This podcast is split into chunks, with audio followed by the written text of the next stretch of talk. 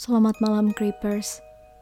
Di episode pertama ini, aku akan membacakan cerita dari thread mwv.mystic.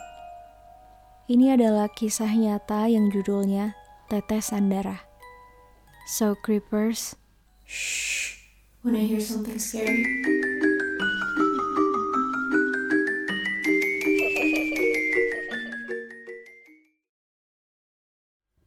Sore hari di akhir bulan Oktober 2015, aku habis mengantar pamanku ke Tanjung Priok, tepatnya di area Permai. Setelah mengantarnya, aku langsung pamit pulang karena aku sudah lelah dengan aktivitas hari itu dan ingin bisa istirahat secepatnya sesampainya di rumah. Sayangnya keinginanku untuk cepat sampai rumah gagal. Karena aku pulang bertepatan saat jam pulang kerja. Jalanan jalur Cakung saat itu macet parah. Penuh dengan kontainer, mobil pribadi, dan motor yang seliwuran nyalip-nyalip saking macetnya. Aku nggak punya pilihan selain maju sedikit-sedikit karena aku pakai mobil. Hampir satu jam aku di jalanan macet itu. Setelah memasuki area sentral Cakung, kemacetan berkurang dan jalanan lancar aku dan pengendara lain langsung tancap gas sampai kejadian tragis terjadi di depanku. Tepat beberapa saat setelah azan maghrib, ada pengendara sepeda motor yang berboncengan dan tergelincir di samping kontainer. Entah seperti apa prosesnya, sepeda motor dan pengemudinya tadi sudah masuk ke dalam kolong kontainer. Spontan semua pengguna jalan menginjak rem dan menahan kendaraannya begitupun aku. Kami berjalan melambat mendekati TKP kecelakaan tadi. Perlahan, aku mulai melewati lokasi kontainer tadi. Aku berusaha melihat bagaimana kondisi korban saat itu. Tapi karena kecelakaan itu berada di jalanan yang ramai, otomatis jalan menjadi macet parah dan aku dipaksa untuk cepat jalan agar tidak menambah kemacetan aku jadi tidak bisa melihat detail kecelakaan itu. Tapi karena rasa penasaran, 100 meter dari posisi kecelakaan tadi, aku menepikan mobil dan jalan kaki ke arah TKP. Orang-orang sudah berkerumun di sana. Pelan-pelan, aku menyelip dan masuk ke kerumunan orang-orang yang menonton. Tujuanku hanya atas dasar penasaran ingin melihat bagaimana kondisinya, tanpa aku tahu apa yang aku lakukan ini akan berakibat fatal. Aku terus meringset maju, sampai akhirnya berdiri di barisan paling depan, tepat di depan korban. Aku melihat semuanya dengan jelas. Di hadapanku, si pengemudi sepeda motor tadi tiduran di jalanan dan setengah badannya hancur terlindas ban kontainer. Biar aku deskripsikan sedikit apa yang aku lihat. Korban ini badannya hancur terlindas ban besar kontainer, tapi sepertinya belum pergi. Kepalanya masih bergerak, termasuk matanya. Ya, matanya masih ada gerakan. Korban ini melihat ke semua orang yang hanya menonton dirinya terkapar dan kemudian mulutnya bergerak-gerak perlahan, seakan minta tolong. Motornya hancur total. Yang dibonceng selamat, hanya terlihat banyak luka. Namun sepertinya dia kritis lalu dibawa pakai motor ke rumah sakit. Jujur, saat memutuskan untuk melihat kecelakaan, aku nggak mengharapkan pemandangan semengerikan ini. Karena ini benar-benar real di depanku dan hanya berjarak beberapa meter dari posisi aku berdiri. Aku bisa melihat semuanya. Isi perutnya, tulang, darah, semuanya, sampai aku terdiam kaku karena shock.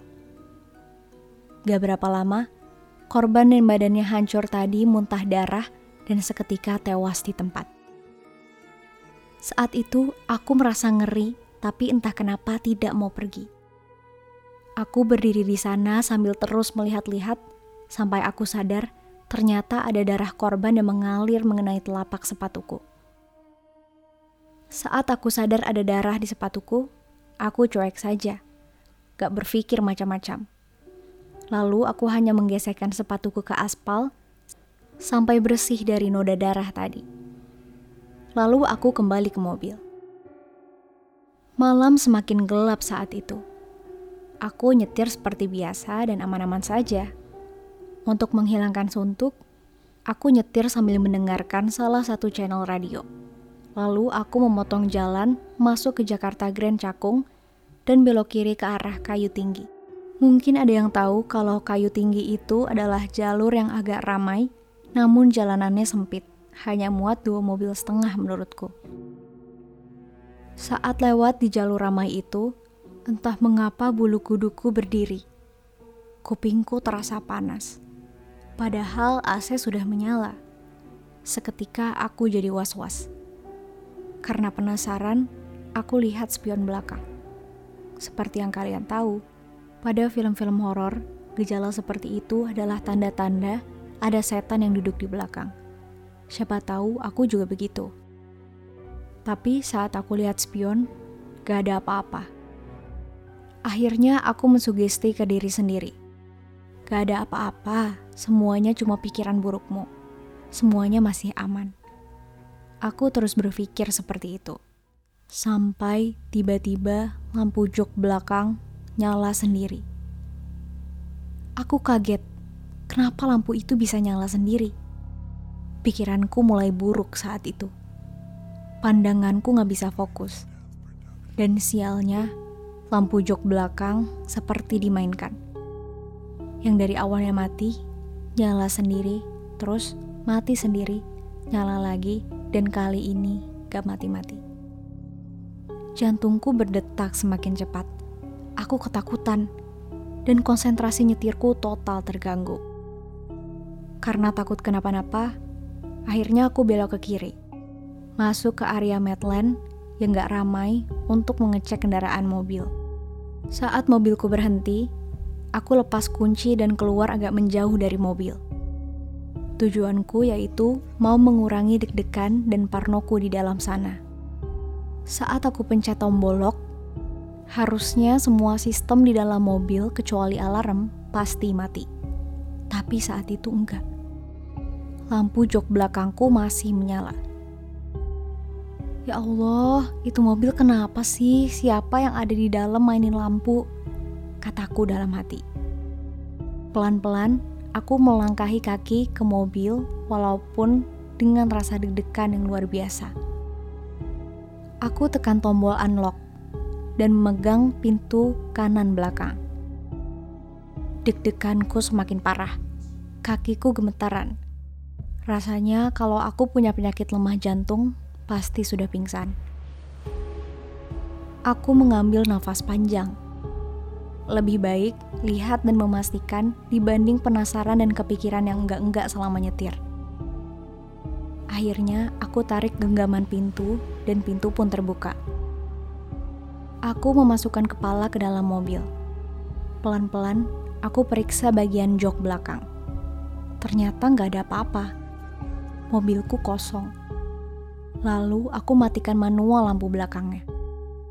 Setidaknya bisa tenang perasaanku. Dengan santai dan lega, aku tutup pintunya dan langsung buka pintu driver.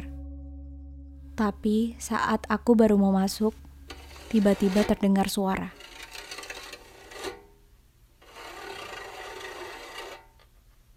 berulang-ulang. Rasanya tenangku seketika hilang. Gak tahu kenapa, saat itu Parnoku datang lagi. Deg-deganku kumat. Aku tutup pintu depan dan gak jadi masuk ke mobil. Lalu aku mundur satu langkah dan perlahan mulai jongkok. Pikiranku saat itu sangat kalut. Aku tahu suaranya bukan dari belakang, samping, ataupun atas tapi suara tadi asalnya dari bawah. Pelan-pelan, pandanganku turun dan aku mulai melihat ke bawah kolong mobil. Allahu Akbar, astagfirullah. Refleks kalimat itu keluar dari mulutku dengan suara yang agak keras. Yang aku lihat saat itu di bawah kolong mobil adalah sosok korban yang terlindas kontainer tadi dengan mata yang melihat ke arahku dan mulut bergerak-gerak persis seperti yang aku lihat di TKP tadi. Refleks badanku menjauh dari sana. Aku langsung berdiri. Kepalaku seketika sakit, pusing, dan entah kenapa aku sampai menangis. Aku menjauh dari mobil sambil berusaha melupakan apa yang aku lihat barusan. Tapi nggak bisa. Dia ada di bawah kolong mobilku.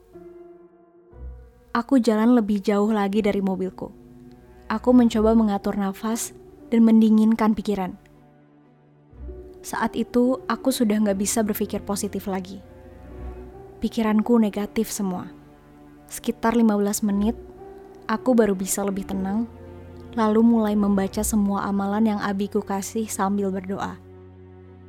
Setelah merasa yakin dan deg-degan hilang, aku berjalan mendekati mobil. Tapi kali ini gak sedekat yang tadi. Perlahan, aku menunduk lagi dan melihat ke kolong. Tapi ternyata di kolong gak ada apa-apa. Lalu aku berpikir, masa iya aku berimajinasi? Mungkin emang halusinasiku doang kali karena tadi habis ngeliat kejadian tragis. Gak lama-lama berpikir, aku langsung memaksa otak untuk segera berpikiran positif dan harus fokus lagi agar secepat mungkin bisa sampai ke rumah. Saat masuk mobil, aku langsung starter dan jalan secepatnya. Selama di perjalanan, aku sama sekali gak berani lihat spion belakang. Kebetulan di luar area komplek rumahku ada pasar kecil, dan saat memasuki jalur pasar itu, tiba-tiba lampu belakang mobilku nyala lagi. Jantungku berdetak kencang saat lampu tiba-tiba menyala. Apa ini pertanda dia muncul lagi? Pikiranku runyam. Keinginan aku untuk lihat spion belakang waktu itu sangat besar tapi aku memaksakan diri untuk nggak ngelihat ke belakang sama sekali. Lampu terus dihidupin dan dimatiin berulang-ulang. Udah pasti bikin panik selama nyetir.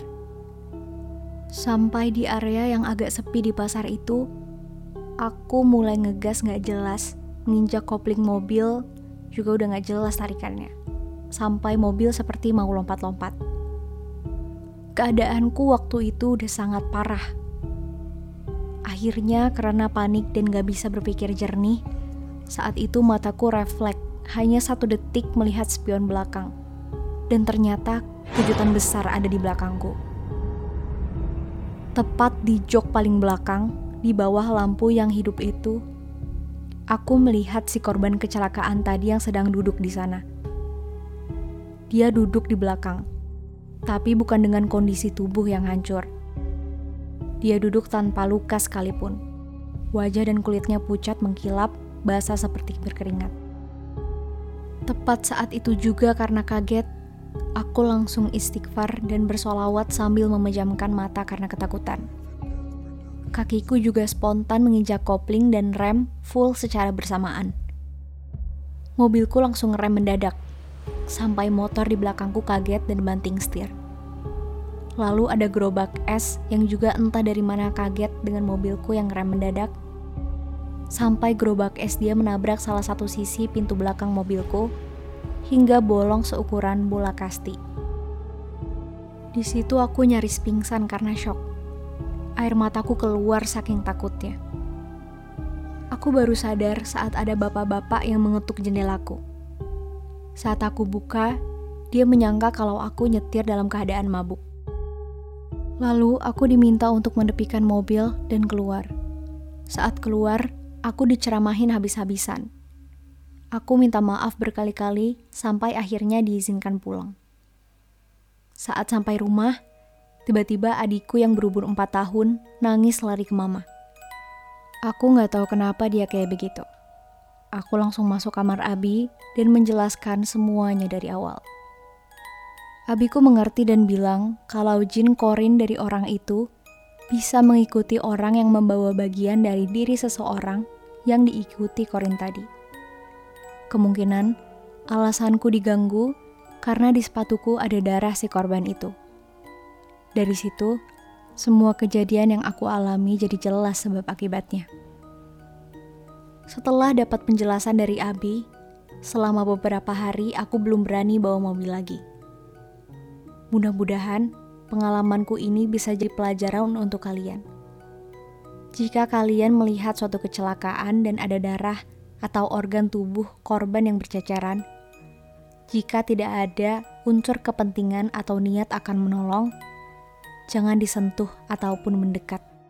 Dan kalaupun kita hadir di sana, bantulah korban sebisa kita. Jangan hanya menonton, apalagi sekedar memfoto, hanya demi kepopularitasan atau konten media sosial. Semoga korban yang aku lihat itu diampuni kesalahannya dan diterima amal ibadahnya di sisi Tuhan Yang Maha Esa. Sampai bertemu lagi di episode selanjutnya dan dengerin terus Creep In. Shh, wanna hear something scary?